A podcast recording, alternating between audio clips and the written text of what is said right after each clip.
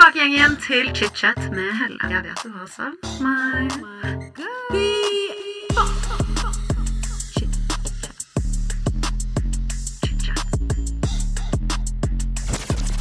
I dag får jeg besøk av en av Norges mest kjente forsvarere, Jon Christian Elden.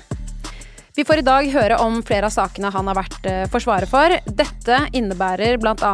Eh, Eirik Jensen-saken, Laila Bertheussen og Birgitte Tengs. I dagens episode snakker vi også om oppklarte og uavklarte justismord som eh, Jon Christian har vært delaktig i. Her kommer også en liten trigger warning, for i denne episoden blir det også snakket om voldtekt og drap av barn. Så hvis du ikke ønsker å høre om det, så ville jeg kanskje droppet denne episoden. Som sikkert alle forstår allerede, så har denne mannen en helt sinnssyk karriere, og i dag får vi et lite innblikk i livet hans. Velkommen tilbake til chit-chat. Da starter vi. Jon Christian Elden, velkommen til chit-chat. Takk, takk, takk. Du er jo en av Norges mest kjente advokater, og vi skal selvfølgelig snakke om karrieren din i dag, men vi må også gå litt tilbake i tid. Kan ikke du fortelle litt om oppveksten din og familien din? Nei, Jeg tror hatt en ganske normal og sånn sett kjedelig oppvekst. Ikke noe spesielt jeg bitt merke der. Vokste opp i et helt ordinært hjem. Gått på skole på vanlig måte, hatt mine venner. Eh, ja, jeg føler meg ganske privilegert sånn sett. Ja, Hvor i Norge er du oppvokst? Jeg er oppvokst i Oslo, eh, på Smestad. Ja, Rett ved der hvor jeg er oppvokst, faktisk. Ja, Det høres bra ut. Ja, Nei, jeg elsker det området. Jeg tror jeg kommer til å bli en av de som flytter tilbake dit hvor jeg er selv er oppvokst. Ja, jeg syns det er et glimrende sted å være, jeg. Så det ja. kan anbefales. Du er jo født i 1967. Hadde Bra du research. Ja, jeg Kjempegod research. Um, du uh, er jo vokst på Smestad. Hadde du tenårene dine der også? Ja, jeg har stort sett vokst opp uh, hele livet på, i samme område. Sånn uh, Nokså geografisk begrenset, i hvert fall. Litt forskjellige hus, men samme område. Ja. Har du alltid visst at du ønsket å bli advokat, eller hadde du noen andre drømmer sånn i tenårene også? Nei, jeg startet jo å skulle være brannmann og politimann og alle de tingene som var morsomt under oppveksten. Men fra, jeg tror fra det tidspunktet jeg liksom har tenkt noe seriøst på at hva skal jeg gjøre for noe, liksom, hvilken utdanning skal jeg ta, så har jeg iallfall visst at det var jussen. Eh, og så tror jeg vel at jeg måtte bli ferdig med jussen før jeg kom til at det var advokat. Eh, men det var liksom et eller annet innen jussens veier i hvert fall som var eh, låst ganske tidlig. Ja, Hva var det som interesserte deg med, med juss? Jussen som samfunnsfag. Eh, altså det, du får fulgt veldig mye med på hva samfunnet både krever, men også hvordan samfunnet fungerer. Eh, du kan være med eh, og delta i utviklingen av samfunnet. Jussen er et samfunnsfag alene. Det er jo det å finne frem til hva som til enhver tid regnes som sunn fornuft. Eh, og da tenker jeg at jusutdanningen den gjør at du har mange muligheter, også etter at du er ferdig med å utdanne deg, til å bestemme hva du skal gjøre. Til motsetning til kanskje en del andre studier hvor du må ta det endelige yrkesvalget i alle fall når du er på videregående skole. Mm. Du ble jo advokatfullmektig. Og så jobbet du hos faren din, stemmer det? Er ikke det praktisk, da? Ja? Jo, veldig praktisk. Helt fantastisk, egentlig. Hvordan var det? Nei, Det var jo veldig behagelig og greit. Det var jo ikke noe streng arbeidsgiver, så det var jo bra. Uh, samtidig så var han jo veldig opptatt av at ting skulle være ordentlig, riktig og nøyaktig. Så det er klart at litt sånn Eh, pirkete. Det lærte jeg fra et tidlig tidspunkt. Sånn at typen at eh, Ser du en trykkfeil på brevet ditt, så skriv det på nytt. fordi at da får du iallfall rettet bort noen av dem, og det er sikkert nok trykkfeil igjen likevel som blir sendt ut. ja. Så det er liksom veld, veldig sånn eh, læringsdel. Eh, det ligger jo der. Ja, nei, kan jeg se for meg. Hvis jeg hadde jobbet for min pappa, så kan jeg se for meg at han hadde gjort akkurat det samme. Hey there, it's Michelle Norris. I'm host of a podcast called Your Mama's Kitchen. When I travel, I'm usually looking for a way to find a taste of home when I'm not at home. And one of the things I love to do when I am at home is entertain. And Airbnb allows me to do that. When I was in California recently, I rented a house that had a great kitchen. And when we were sitting around the table, we we're all thinking, we're in someone else's house. Someone could be in all of our homes as well. If you have a home, but you're not always at home, you have an Airbnb. Your home might be worth more than you think. Find out how much at airbnb.com/slash host. Cool fact a crocodile can't stick out its tongue. Also, you can get health insurance for a month or just under a year in some states. United Healthcare short term insurance plans, underwritten by Golden Rule Insurance Company, offer flexible, budget friendly coverage for you. Learn more at uh1.com. Mom deserves the best, and there's no better place to shop for Mother's Day than Whole Foods Market. They're your destination for unbeatable savings, from premium gifts to show-stopping flowers and irresistible desserts. Start by saving 33% with Prime on all body care and candles. Then get a 15-stem bunch of tulips for just $9.99 each with Prime. Round out Mom's menu with festive rosé, irresistible berry chantilly cake, and more special treats. Come celebrate Mother's Day at Whole Foods Market. Men følte du at du fikk liksom en god dynamikk selv om det var faren din, sånn arbeidsmessig? For jeg føler at hvis jeg hadde jobbet for min pappa, så hadde jeg kanskje blitt litt sånn, jeg vet ikke, irritert til tider og sånn. Følte du litt på det? Nei, nei, egentlig ikke. Men det var kanskje fordi jeg bare var i halv stilling der. da. Jeg var i halv stilling der, så var jeg halv stilling på universitetet. Holdt på å undervise og drive med forskjellige ting der. Og det er klart Den kombinasjonen var jo ganske grei. Eh, og så lærte jeg jo veldig fort å gå veldig mye i retten. Eh, og fikk jo veldig oppbacking på det. Eh, så jeg følte jo aldri at det var noe belastning, for å si det sånn. Eller at det liksom lå noe at eh, her skal det kreves noe bestemt, eller her er det ting jeg må ta spesielt hensyn til, eller lignende. Så jeg følte bare at det var en god far, skråstrek god arbeidsgiver, jeg, som altså fulgte opp det jeg skulle i jobbsammenheng. Nei, det er jo helt uh, supert. Før vi kommer videre til resten av karrieren din, så må jeg også spørre litt, fordi du er jo frimurer. Ja. ja. Uh, hva innebærer det i å være frimurer? Egentlig ikke noe særlig annet enn at du kanskje bør gå på et møte i året. Det er ikke noe krav til å være, med eller hva du skal gjøre når du er i Frimurlosjen. Det er vel mer en sammensetning. Det er en gutteklubb på mange måter. En gutteklubb grei kanskje også, hvis man sier det. Men den er sammensatt med et litt annet litt annet persongalleri. Fordi at det er på en måte alle er med i Frimurlosjen. Altså det er ikke noe krav til at du skal være i noe øvre samfunnssjikt eller sånne ting som man forbinder med mange av disse eldre losjene. Så den er, den er mye mer åpen. Det er kanskje det jeg forbinder mest med den. Man hører jo liksom mye liksom at er, man ikke skal snakke så mye om det. Man, jeg føler at vi utenfor har mye spørsmål. At det er litt sånn um, hemmelig med seremonier og sånn. Stemmer det? Det, det er jo som en hvilken som helst syklubb også. Ja. Alle, har jo sine hemmelige seremonier som man ikke ønsker at alle skal involveres i. Så jeg, jeg, tror nok at det er litt vel overdrevet. Men da er jo kanskje de som ønsker mystikken, oppnådd den, da, når de har greid å få slik, en slik omtale. Ja, veldig. Jeg sitter jo her og snakker om det nå, fordi jeg virkelig lurer på det. Men jeg, kan, jeg du tror ikke mitt uh, hode blir kappet av fordi jeg snakker med deg om det. ok, bra. Har du en ring? Jeg føler at mange av frimurere går rundt med sånne frimurerringer. Nei, jeg gjør nok ikke det. Jeg er nok ikke så aktiv, for å si det sånn. Ja. Jeg, jeg, har den et eller annet sted. Men du har den? Ja, ja. Alle, alle, får den på et eller annet tidspunkt, sikkert at man har den. Men uh, jeg må innrømme at det ligger vel litt til uh, noe begrenset aktivitet. Ja. Du sa jo i sted at du eh, ble tidlig interessert i jussen, men når var det du skjønte at det var på en måte den forsvarerrollen du ønsket å gå når du ble advokat? Det var nok en stund etter at jeg hadde begynt å jobbe med det. Eh, og det var litt mer sånn tilfeldighet at jeg kom borti en sak som viste seg å bli en veldig stor eh, straffesak.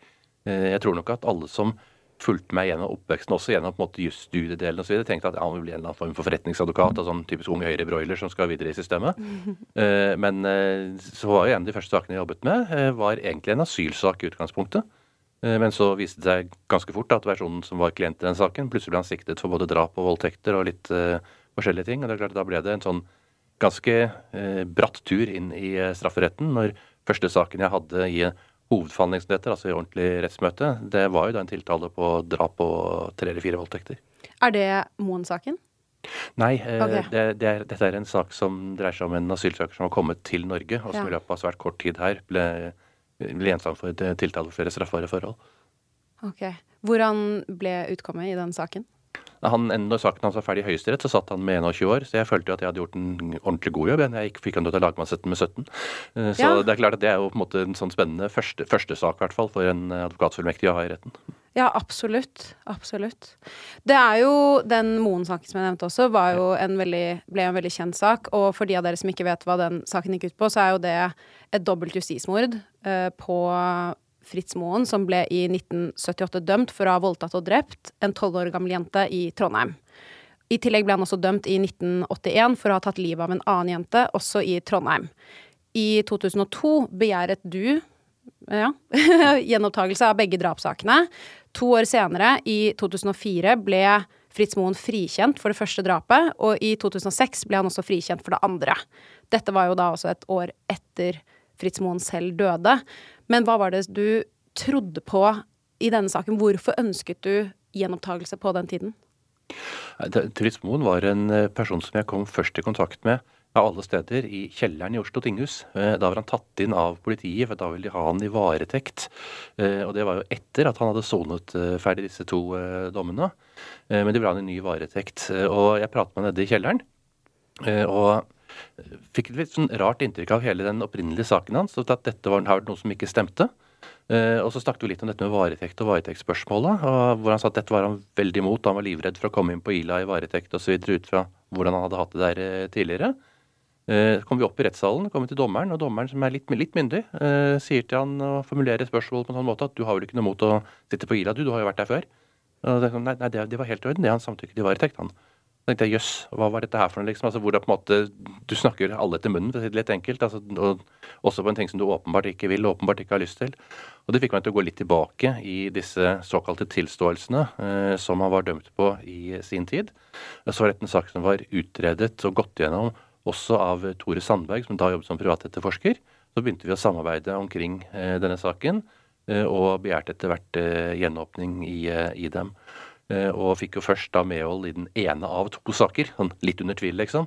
Eh, men eh, senere så fikk vi også den egentlige gjerningsmannen på banen ved at han ga en tilståelse til politiet på sitt dødsleie, som politiet etterforsket og fant at var riktig. Og da var det jo helt på det rene at det var et åpenbart justismord man sto ovenfor med en annen gjerningsmann. Og det er klart at den type saker er jo sånn som du husker ganske lenge. Og særlig også for Fritz Moens del, som altså døde underveis i prosessen. Så det var jo en både glede og tragedie eh, på en gang. Eh, noe av det jeg husker best fra han, som da tilbrakt mesteparten av livet sitt bak eh, lås og slå på Ila fengsel, er at han da var frifunnet for det første drapet og fikk beskjed om at han ville få en millionerstatning fra det, så var han på en måte glad i den forstand og sa at hurra, nå, nå, skal jeg virkelig skeie ut, nå skal jeg kjøpe meg en napoleonskake. Åh. Wow. Det setter ting i perspektiv. Mm. Men når han da ble frikjent for det andre drapet også, når denne um, gjerningsmannen sto frem, får man da erstatning selv etter man er død? Man har ikke så mye nytte av den erstatningen. da, så Livet hans var jo både ødelagt, og han var avgått ved døden før han egentlig fikk eh, oppleve eh, at han var fullt ut renvasket, i hvert fall. Det er klart Du vil aldri kunne reparere noe som helst, men han fikk en ganske stor erstatning eh, etter sin død. Jeg hadde en dialog med justisminister Storberget da, vi var gjennom saken og mente at denne måtte stå som et læringspunkt, der departementet måtte betale ut en erstatning for å markere det. Eh, og den gikk der Kritzmoen ønsket. Han ønsket at den skulle gå til arbeidet eh, for døvesaken, så hele erstatningen gikk dit, siden han ikke hadde noen arvinger. Wow. Det er jo, ja, i hvert fall en fin tanke på egentlig en veldig tragisk historie. Ja. ja. Er det noen saker i Norge akkurat nå som du tenker er pågående justismord? Ja, det er vel ikke, Man skal ikke annet til enn å lukke opp øynene for å se at det pågår mye i rettssystemet i Norge akkurat nå. Du har jo akkurat fått opp igjen en sak der med eh, Baneheia-saken, hvor det er spørsmål om hva som faktisk har skjedd. Det er jo ennå uklart, men man ser jo åpenbart konturene av et eh, justismord som nesten altså er like stort som det som eh, Fritz Moen ble gjenstand for i sin tid. Og da har man jo ikke lært så mye, da, som man påstår at man hadde lært når Fritz Moen-saken kom opp igjen. Mm, absolutt. Så når man ser tilbake på f.eks. den Viggo Kristiansen-saken Jeg er sånn eh, når man ser på de bevisene, så føler jeg nå, da Veldig lett å si dette etterpå smart, men det, jeg føler at det er jo åpenbare beviser for at han ikke kunne sitte 21 år for noe som har så lite bevisgrunnlag. Ja, Da burde du sittet i juryen i år 2000, og så burde du hatt eh, en si, blank hjerne når du gikk inn dit, og ikke være forutinntatt. Så du kanskje kom til akkurat det samme resultatet. Det paradoksen som er paradoksalt i den saken, er at de argumentene som nå er brukt eh, av Riksadvokaten for at han skal frifinnes, er de samme argumentene som forsvareren hans Eh, i sin tid argumenterte med i retten at han ikke kunne domfelles for.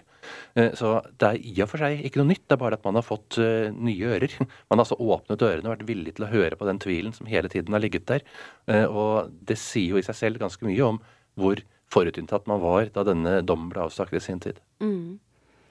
Føler du da at det utkommet kom på grunn av at det var små barn involvert. Det var mye følelser. Det var en hel community som var involvert. At det var det er jo det utenfor presset som gjorde at Viggo Kristiansen ble dømt i sin tid.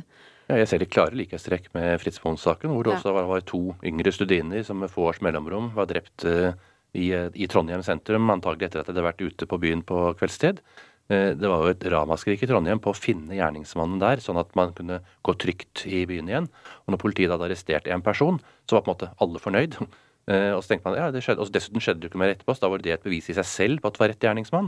Og så var det ingen som så etter det som viste seg å være tilfellet, nemlig at denne gjerningsmannen hadde jo deretter reist ut på oppdrag i Nordsjøen og var sånn sett borte. Åpenbart så har det jo skjedd mye feil fra politiets side i både disse to sakene. Hvordan er ditt forhold til politiet? Jeg er ikke arrestert ennå. Jeg håper at det er ganske greit. Eh, politifolk er jo, de aller fleste av dem, nesten alle, for å si det sånn, eh, er jo ute etter å finne frem til sannheten. Finne frem til det som er riktig, løse saker. Altså Det er ingen som går inn i politiet fordi at de er sadister og ønsker å putte uskyldige mennesker bak lås og slå. Det er jo helt åpenbart. Eh, men Eh, så er det av og til da, at man får liksom denne gode saks hensikt. At man tenker at ja, jeg får jo ikke tatt den som jeg egentlig vet og er helt sikker på at er gjerningsmann. Så da må jeg liksom gjøre noe ekstra på en eller annen måte, og så går det veldig feil. Eh, det finnes jo mange, både politifolk, men også særlig politikere, som i enkeltsaker ikke skjønner hvorfor vi har rettssikkerhetsgarantier. Som ikke skjønner hvorfor vi har rettsregler for hvordan man kan gå frem hva man kan gjøre for å etterforske folk, eh, hvem man kan telefonavlytte når og hvorfor, altså alle mulige sånne ting.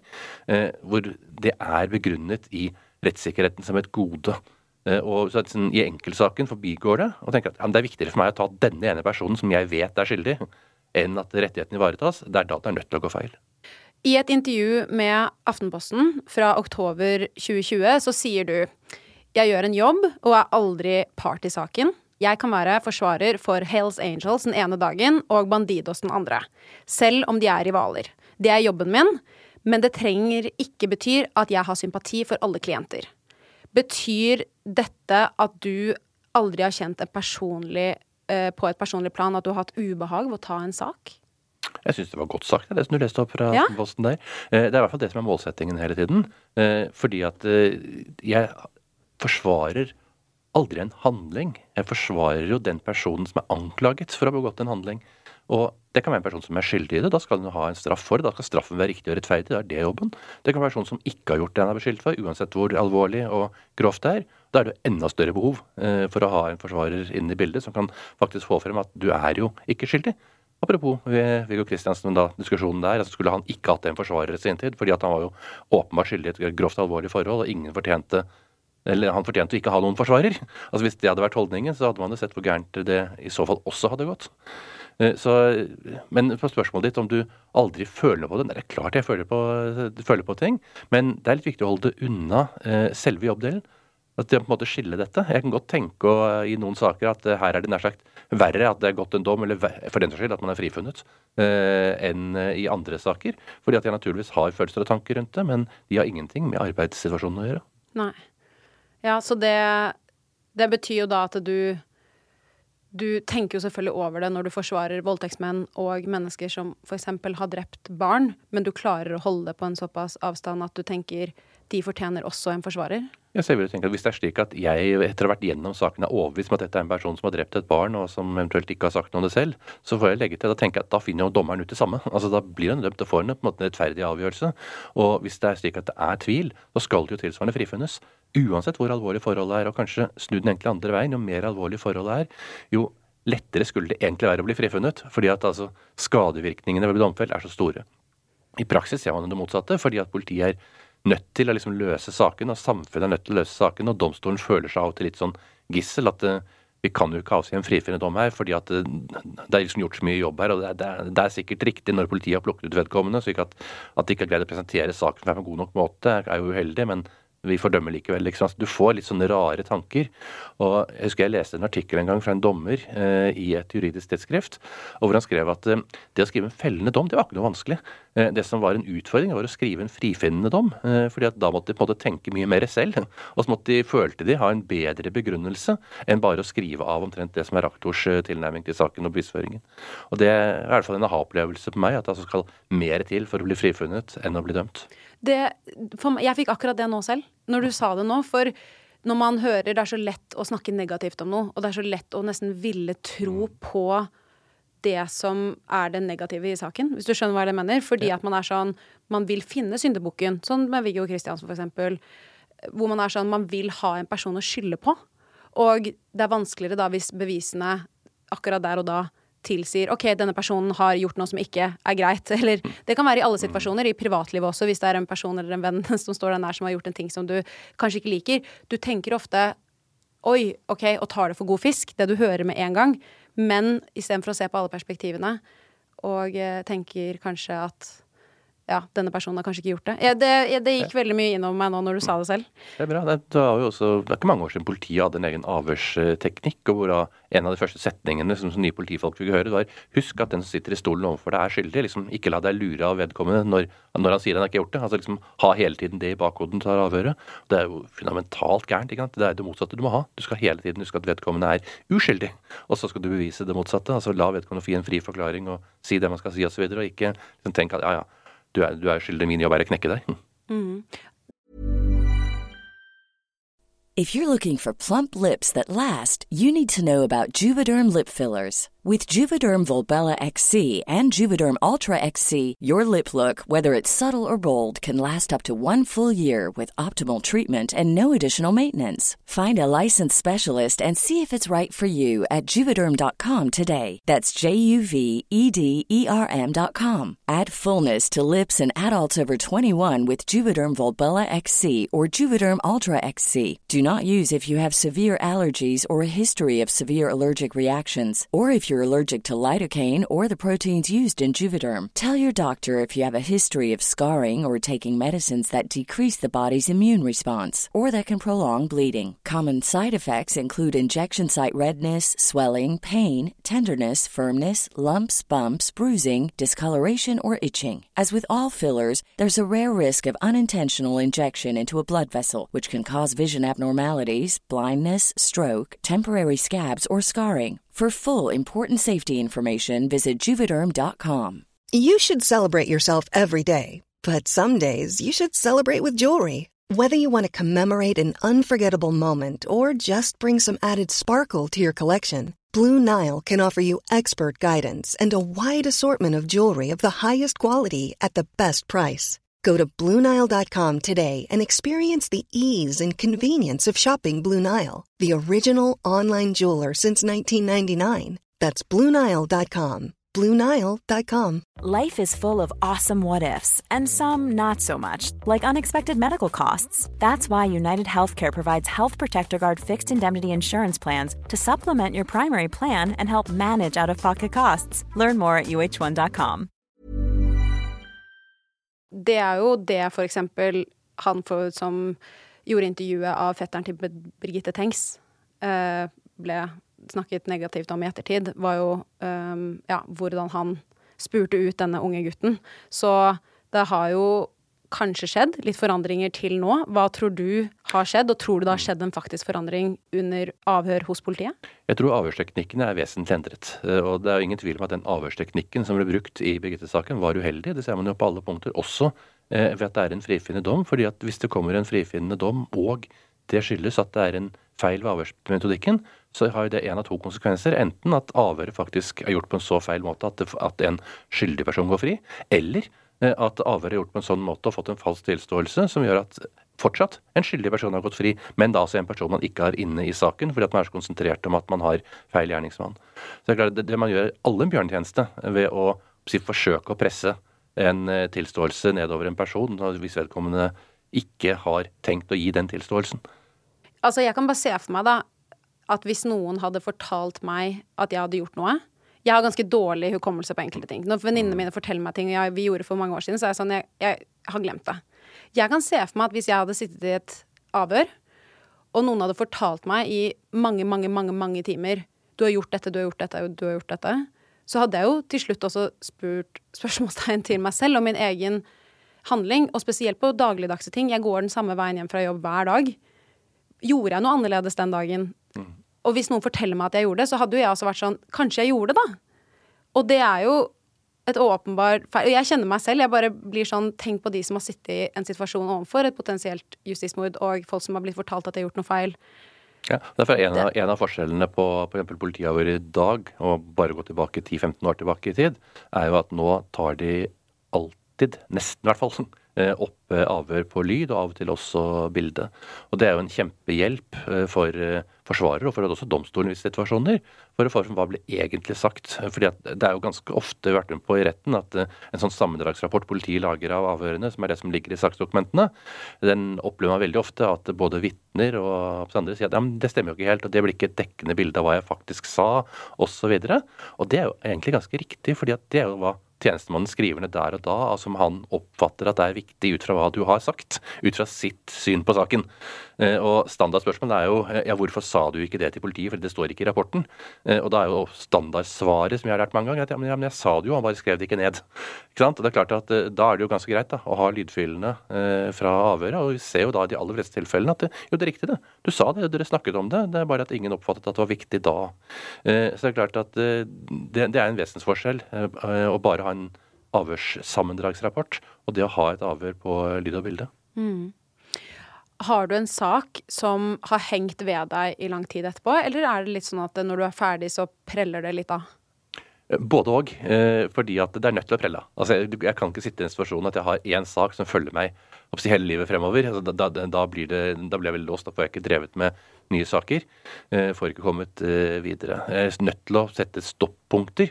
Eh, akkurat som når du treffer en beslutning eller fatter et vedtak, så er du ferdig. altså Det kan være gærent, det kan være riktig. Forhåpentligvis er det riktig. Men er det gærent, så får du også stå for at du har truffet det og på en måte gjort, gjort, gjort et valg.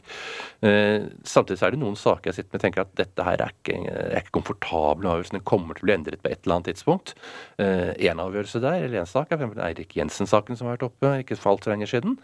Den har et domsresultat som jeg eh, ikke er komfortabel med. Jeg mener det blir feil.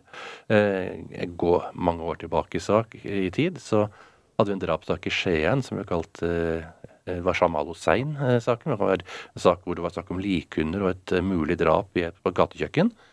Som det var mye frem og tilbake med, hvor det egentlig aldri var noe klare bevis. Og hvor jeg ikke helt greier å fri meg for at her er domfellelsen i stor grad basert på at man hadde en kanskje ukjent person, eh, en man ikke helt visste hvem var, en fremling eh, som var anklaget for dette, og at man hadde et behov for å løse saken. Litt sånn man har sett i andre saker som er gjenopptatt. Tror du noen, ganger at politiet dømmer mennesker, eller at en dom blir gjort bare for å på en måte roe media? Jeg tror aldri den blir gjort bare for, for det. Altså, det er aldri formålet. Men at det har den virkningen, og at det derfor skjer en del ganger, ja, det tror jeg. Eh, fordi at eh, alle er opptatt av å vise at de har gjort noe bra. Eh, og når politiet kan stå og ha en pressekonferanse og si at ja, nå har vi arrestert en person og siktet han eller henne for det og det, så er jo det gjerne for å skryte litt da, på den måten at nå har vi løst, nå har vi gjort jobben vår, og dere trenger ikke lenger være redd, og vi har på en måte vedkommende skal stå til rettferdighet for det man har gjort. Og så ser du av og til bort fra da, at ja, men har den personen på en måte tilstår du sikker på dette gjerningsmannen osv.? Nei, vi er jo ikke det, men vi er mer enn 50% sikre nå, derfor har vi arrestert han, og vi kommer til, liksom, til etterforske til at han er skyldig. uh, og da er det vanskelig å gå den andre veien. Uh, hvis man på en måte tenker at nå har, man, nå har man løst det, og er opptatt av å få bekreftet den hypotesen man har eh, bygget opp. Det er veldig menneskelig å ikke ville rive det ned igjen. Mm. Uh, og liksom si at oi, det var visst feil, det var visst en helt annen. Beklager. Hva tenker du ble gjort feil, eller hva tenker du er dømt feil ut ifra bevisgrunnlaget i Eirik Jensen-saken? Altså, det er eh, i min verden uforståelig og uforklarlig eh, at han skal ha noen befatning med noe innførsel med narkotika å gjøre, i form av å ha hjulpet denne eh, andre tiltalte Cappelen ved innførsler.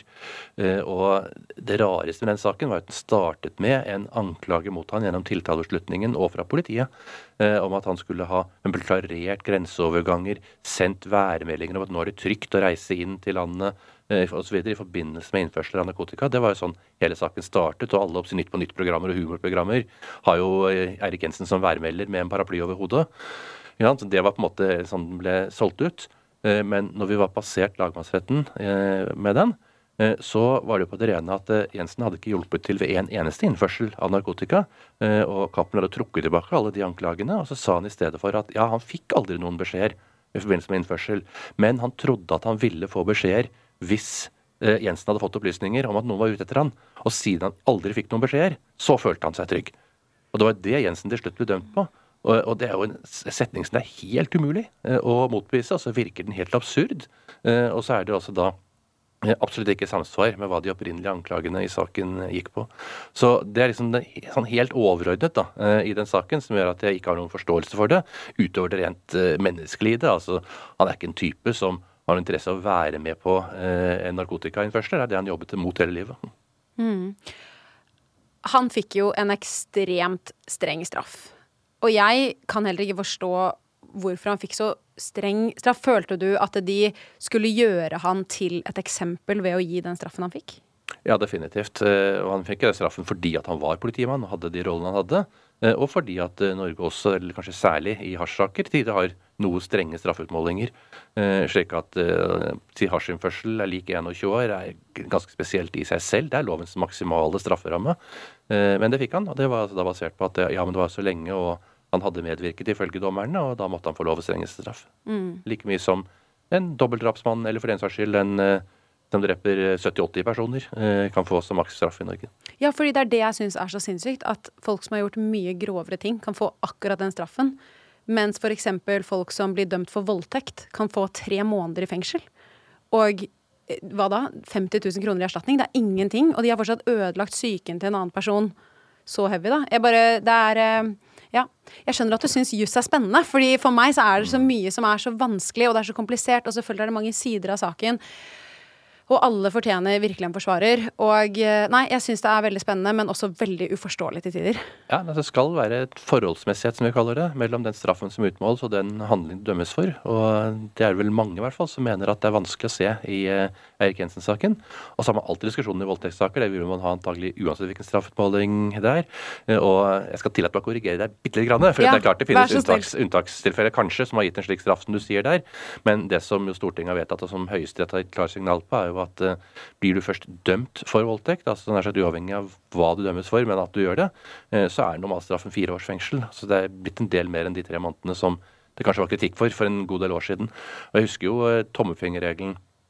uh, ja, i hvert fall hvis du går, går 20 år tilbake i tid, før vi fikk skjerpingen i straffenivået på voldtekter, så var tommelfingerregelen at du fikk kanskje halvannet år maks for en voldtekt, og gjerne på månedsnivå i stedet for, mens nå er den samme tommelfingerregelen da firedobbelt, altså oppe på uh, fire år som en utgangspunkt, og gjerne strengere og sjelden mildere. Mm. Så er alltid spørsmålet er det rettferdig eller ikke rettferdig. Altså, Hva skal du egentlig ha? liksom? Skal du, skal du gjeldes? Er det alternativet som ligger der? Eller skal du gå helt fri? Altså, Hva er rettferdig og riktig straff? Nei, Jeg syns det i hvert fall har gått litt i riktig retning. da, At man tar det litt mer seriøst, det med, med voldtekt.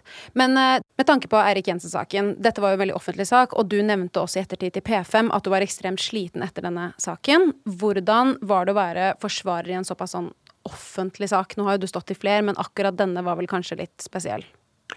Det som kanskje er mest slitsomt, er at den er såpass eh, langvarig. Og jeg har vært i langvarige saker før også, men da er det gjerne flere tiltalte. Altså Som Nokas-saken så du, var det 14 eller 16 tiltalte i saken. Selv om den da varer eh, et godt halvår eh, av gangen, så er det ikke så, så slitsomt eh, for den enkelte advokat den enkelte dag. Eh, men i Eirik Jensen-saken så var det jo alt omhandlet jo han hver eneste dag.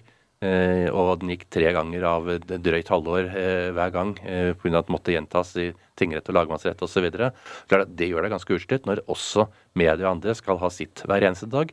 Og du har en annen praksis som du passer på ved siden av det du er i retten med. Så ja, det er riktig det at den var, var ganske altoppslukende. Ja, det skjønner jeg. Har du noen gang fått trusler eller negative meldinger fra mennesker som mener at du gjør en feil ved å forsvare en enkeltperson? Og ja, det kommer nesten hver eneste gang. Eh, hver eneste gang det er en eller annen sak som er i media, så er det noen som mener at denne, dette, akkurat dette mennesket fortjener ingen forsvarer, og uh, her, her, må du gjøre en dårlig jobb, og hvis du på en måte jobber for vedkommende, så er det, ja, det er, Standarden er vel at det er bare for at du tjener masse penger på det. Da ler jeg hver gang. Uh, men uh, det er klart at det, er, det er, klart at det, det er mye sånn kritikk så lenge det ikke gjelder dem selv. Liksom. Tenker at Andre har jo ikke krav på det, fordi at de er jo skyldige. Hadde jeg selv derimot blitt anklaget for noe, så skulle jeg hatt advokat med en gang, for jeg er jo uskyldig. Det er vel standardforskjellen i huet på disse menneskene. Ikke sant. Ikke sant. I 2010 så giftet jo du deg med din kjære kone. Har en rettssak eller en, eh, noe i karrieren din noen gang påvirket ekteskapet ditt, med tanke på at du har blitt såpass offentlig i en så spesiell jobb, hvis jeg kan kalle det det? Jeg, jeg, tror ikke det, for jeg tror nok at både hun og jeg vet hva vi gikk til. for å si det sånn. Altså, Jeg har jo holdt på med dette i, eh, i uh, alle år. Uh, og Det er kanskje fordelen også med å ha en kone som jobber med noe av det samme, som vet at her er tidsplanen sånn at når jeg går hjemmefra seks-syv-tiden om morgenen, eller hva det er for noe, så vet jeg ikke når jeg kommer hjem. Jeg vet ikke hva jeg skal gjøre når rettende dagen begynner klokken åtte, for da har det plutselig dukket opp noe helt annet. Det eneste jeg vet, er at mellom ni og tre så sitter jeg i en rettssak et eller annet sted. Men ellers er jo den hverdagen ganske uklar på forhånd. Mm. Du var jo advokaten til Laila Bertheussen. Dette var jo også en veldig offentlig sak. Og hun gjorde jo forskjellige litt sånne Kan kalle det et PR-stunt ved å bruke disse veskene i rettssaken. Visste du at hun skulle ta med seg de veskene inn, eller gjorde hun det på eget fri vilje? Nei, det hadde ingenting med å gjøre, for å si det litt enkelt. Eh, hvis ikke var hun hadde med seg fra dag til dag. Jeg, jeg begynte å merke at hun hadde det med seg. Men det er jo hennes eget eh, valg, og det, noen har full anledning til å gjøre. Det er hennes måte å ytre seg på. Så vær så god, sier jeg. Det, jeg skal ikke legge meg opp i hvordan man ønsker eller velger å fremstå. Følte du at det påvirket saken hennes i en negativ retning? Nei, jeg følte mer at det var noe som media ble opptatt av fra dag til dag. Og kanskje sånn sett så bidro det til at media i mindre grad brydde seg om hva som skjedde i retten, på godt og vondt. Ja, ikke sant. Den saken har jo også fått, som sagt, mye eh, oppmerksomhet i media, for å si det sånn. Hun mente jo selv at hun skulle bli frikjent. Føler du at dommen hun fikk, var riktig? Det jeg føler er rarest med den saken, hvis jeg først skal inn og føle noe, eh, det er at hun eh, ikke fikk noen ankebehandling. Altså Den stoppet jo i tingretten, og hun anket jo videre og begrunnet hvorfor dette var feil. Eh, og motparten, altså Politiets sikkerhetstjeneste, de hadde jo gitt uttrykk for at dette var en sak hvor det var et samlet bevisbilde. Det var ikke noe enkeltbevis som var fellende sånn og sånn. Eh, og da skulle alle normale kjennemerker tilsi at du fikk en ny behandling av denne saken i lagmannsretten. Slik at man fikk prøvd bevisene på nytt igjen. Det fikk hun ikke aldri.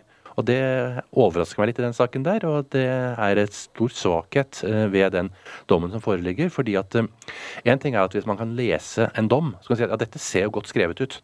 Men det at det ser godt skrevet ut, betyr bare at dommeren er flink til å skrive. Altså Det betyr jo ikke at uh, saken har noe bedre eller dårligere bevis av den grunn.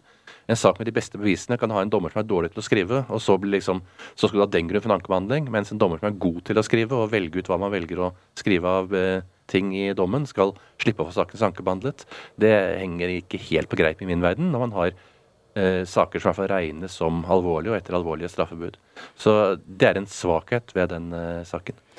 Jeg trodde at alle kunne anke. Er ikke det noe som alle kan, da? Åpenbart. Nei, Det er jo svaret som du har fått her. Ja. I, i, I, Sverige så kan alle anke, med mindre det er bare bøtesaker og alle får ankene sine til behandling.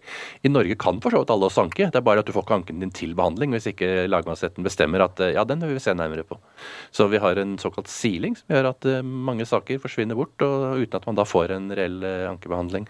Og det er er ikke noe som Norge bør være stolt av som rettsnasjon. Altså sagt, Nabolandet vårt har ikke en slik ordning. De mener at det er uholdbart. Ja, det var akkurat det jeg skulle si. Det hørtes jo veldig rart ut. Altså sånn at, at det ikke er lov hva da? At det er lov at man ja. kan anke sin egen sak. Veldig, veldig spesielt. Men hva vil du si er den mest krevende saken du har hatt i din karriere? Dette tror jeg det er vanskelig å plukke ut. Eh, det er nok kanskje eh, saker som, hvor jeg mener på fagområder som jeg heller ikke kan noe om i utgangspunktet. Eh, hvor jeg på en måte inn og plutselig blir ekspert på noe som, eh, noe som jeg ikke vet. Altså, det vil si at Jeg må først sette meg inn i fagområder, og så må jeg kunne det bedre enn ekspertene for å kunne eksaminere ekspertene om dette. Eh, og For deretter å på en måte bruke det som kommer fra en prosedyre. Altså, jeg hadde jo en større sak for f.eks. For Forbrukerrådet, som heter Røgen, mot Den norske bank, som gjaldt såkalte strukturerte spareprodukter. Og vi sto en hel uke i Høyesterett og prosederte dette og med sakkyndighet og ting frem og tilbake. Det er sånn som tar på. Det krever mye. Eh, men jeg har lært fryktelig mye om volatilitet og andre morsomme faglige begreper eh, i forbindelse med det. Men det er klart du føler litt, når du går inn i en sånn sak, så må du stålsette deg litt. Mm. Du må bare vite at ok, skal du, nå skal du på en måte være, være bedre enn ekspertene for å kunne forholde deg til dem. Jeg nevnte den Jamal Hussein-saken i sted. Der hadde vi mm. noe av det samme. Jeg har, jeg har aldri hatt hund, jeg er ikke den typen. Eh, men eh, der hadde vi jo én uke bevisføring i retten eh, om hunders luktesans. altså Hva kan en likhund lukte, holdt jeg på å si, og hvorfor, og hva kan man tolke ut av det osv. Med biologiprofessorer og sakkyndige fra inn- og utland på, på hund. Det, det er altså sånn type tema som gjør at du da må vite og sette deg inn i veldig mye som du i utgangspunktet ikke vet noe om. Ja, det... Det, er noe, det... er noe, annet enn jussen, liksom. Jussen kan jeg, tenker jeg, og den, den, går ganske greit. Men å fylle en sak med faktum er uh, ofte en utfordring. Det har jeg ikke tenkt over. Du må jo bli spesialist på ting som du egentlig kanskje ikke er så interessert i, men det blir jo en interessert i av saken du holder på med. Ja, det det sånn perspektivet mm. ja, har jeg aldri tenkt over uh, på den måten. Men du er jo, som vi har snakket om nå, en av Norges mest fremste um, forsvarere, og du har jo siden 1993 vært partner i eh, advokatfirmaet Elden. Men har du noen ønsker for livet ditt? Har du noe du ønsker å oppnå i karrieren din eller på privaten som du enda ikke har gjort? Nei, Jeg pleier å si at jeg vet ikke hva jeg skal bli når jeg blir stor, så jeg får ta når den tid kommer. Nå har jeg etter hvert begynt å komme i den situasjonen at jeg har innsett at det det er for sent. Eh, så vi får da se da hvor vi ender hen eh, med dette her. Men eh, jeg har hele tiden hatt som målsetting at jeg syns det er gøy å jobbe med juss. Gøy å utvikle jussen, gøy å være med på å sette merkestener i den juridiske verden. Og jeg tror jeg har satt noen gjennom årene, og har målsetting å sette flere. Ja, det vil jeg si at du absolutt har fått til. Hey, it's Paige DeSorbo from Giggly Squad. High quality fashion without the price tag. Say hello to Quince. I'm snagging high-end essentials like cozy cashmere sweaters, sleek leather jackets, fine jewelry, and so much more. With Quince being 50 to 80% less than similar brands. And they partner with factories that prioritize safe, ethical, and responsible manufacturing. I love that. Luxury quality within reach. Go to quince.com slash style to get free shipping and 365 day returns on your next order. Quince.com slash style. If you're looking for plump lips that last, you need to know about Juvederm lip fillers. With Juvederm Volbella XC and Juvederm Ultra XC, your lip look, whether it's subtle or bold, can last up to one full year with optimal treatment and no additional maintenance. Find a licensed specialist and see if it's right for you at juvederm.com today. That's J U V E D E R M.com. Add fullness to lips in adults over 21 with Juvederm Volbella XC or Juvederm Ultra XC. Do not use if you have severe allergies or a history of severe allergic reactions, or if you're allergic to lidocaine or the proteins used in Juvederm. Tell your doctor if you have a history of scarring or taking medicines that decrease the body's immune response or that can prolong bleeding. Common side effects include injection site redness, swelling, pain, tenderness, firmness, lumps, bumps, bruising, discoloration, or itching. As with all fillers, there's a rare risk of unintentional injection into a blood vessel, which can cause vision abnormalities, blindness, stroke, temporary scabs, or scarring. For full important safety information, visit juvederm.com. This message comes from BOF sponsor eBay. You'll know real when you get it. It'll say eBay Authenticity Guarantee. And you'll feel it. Maybe it's a head turning handbag, a watch that says it all, jewelry that makes you look like the gem, or sneakers and streetwear so fresh every step feels fly. eBay gets it. So look for the blue check mark next to that thing you love and be confident that every inch, stitch, sole, and logo is checked by experts. With eBay Authenticity Guarantee, you can trust that feeling of real is always in reach. Ensure your next purchase is the real deal. Visit eBay.com for terms. Du nevnte jo før vi startet dette intervjuet at nå kommer jo snart Birgitte Tengs-saken opp igjen. Hva er tankene dine rundt den? Da, da, nå er det jo da eh, 27 år siden eh, dette drapet fant sted. Eh, vi har to foreldre som i 27 år har levd med eh, at datteren er drept på en ganske brutal eh, måte, og som blir påminnet på dette gang etter gang. Eh, som for 25 år siden fikk en klar beskjed fra politiet om at nå har vi løst saken, vi har rett gjerningsmann, nå kan dere slappe av. Eh, og som da forholdt seg til det politiet har kommet med bevisresultat eh, overfor dem. Og så nå plutselig er satt i den situasjonen at ja, vi beklager, men vi tok kanskje feil eh, da, og nå har vi en ny person som vi vil presentere. og som vi mener at med sikkerhet har gjort dette. Vi er ikke like sikre som forrige gang, liksom. vi er mer forsiktige nå. Men nå blir det en ny sak. Du kan tenke deg hvordan det er å få den type beskjeder og det å leve med det altså gjennom et helt uh, liv. Så jeg syns uh, virkelig synd på foreldrene i den situasjonen de er. Samtidig så håper vi jo at saken vil få en løsning. Uh, og så får vi se da om det er gjort rett denne gangen. både foreldrene og vi som bistandsadvokater lener oss litt mer tilbake i stolen for å se den bevisføringen som skal føres, og for å gjøre seg opp en oppfatning om det, istedenfor å gå inn på forhånd og tenke at saken er løst. Mm. Nei, jeg syns den eh, er veldig spennende, den saken. Jeg kommer til å følge med på den. Det, ja, jeg håper virkelig, for foreldrenes skyld og for familie og hele Karmøy, at de finner en løsning på det. og Får håpe at det, det, finnes en løsning som kommer ut der uh, en dag. Men uh, avslutningsmessig så må jeg spørre deg det spørsmålet jeg spør alle gjestene mine om. Hva er det rareste ryktet eller feiltolkningen du har hørt om deg selv? Nei, Det, det spørsmålet har jeg fått før, og det har jeg aldri svart på, for det er jo utsett et rykte. Det lærte jeg jo når Jens Stoltenberg skulle omtale i uh, avisen at jeg er ikke homofil. Så det blir liksom litt sånn rar, uh, rart oppslag i avisen, så jeg tror jeg står over det spørsmålet. Ja, men det er helt greit. Men jeg må bare si tusen hjertelig takk for at du kom i chit-chat, Jon Christian Elden. Og til deg som har lyttet til denne episoden, hvis du likte det du hørte, så gå gjerne inn i appen og abonner på ChitChat med Helle. Da får du automatisk opp nye episoder hver eneste torsdag. Og hvis du er ekstra grei, så legger du gjerne igjen en review. Det hadde jeg satt kjempestor pris på. Vi høres!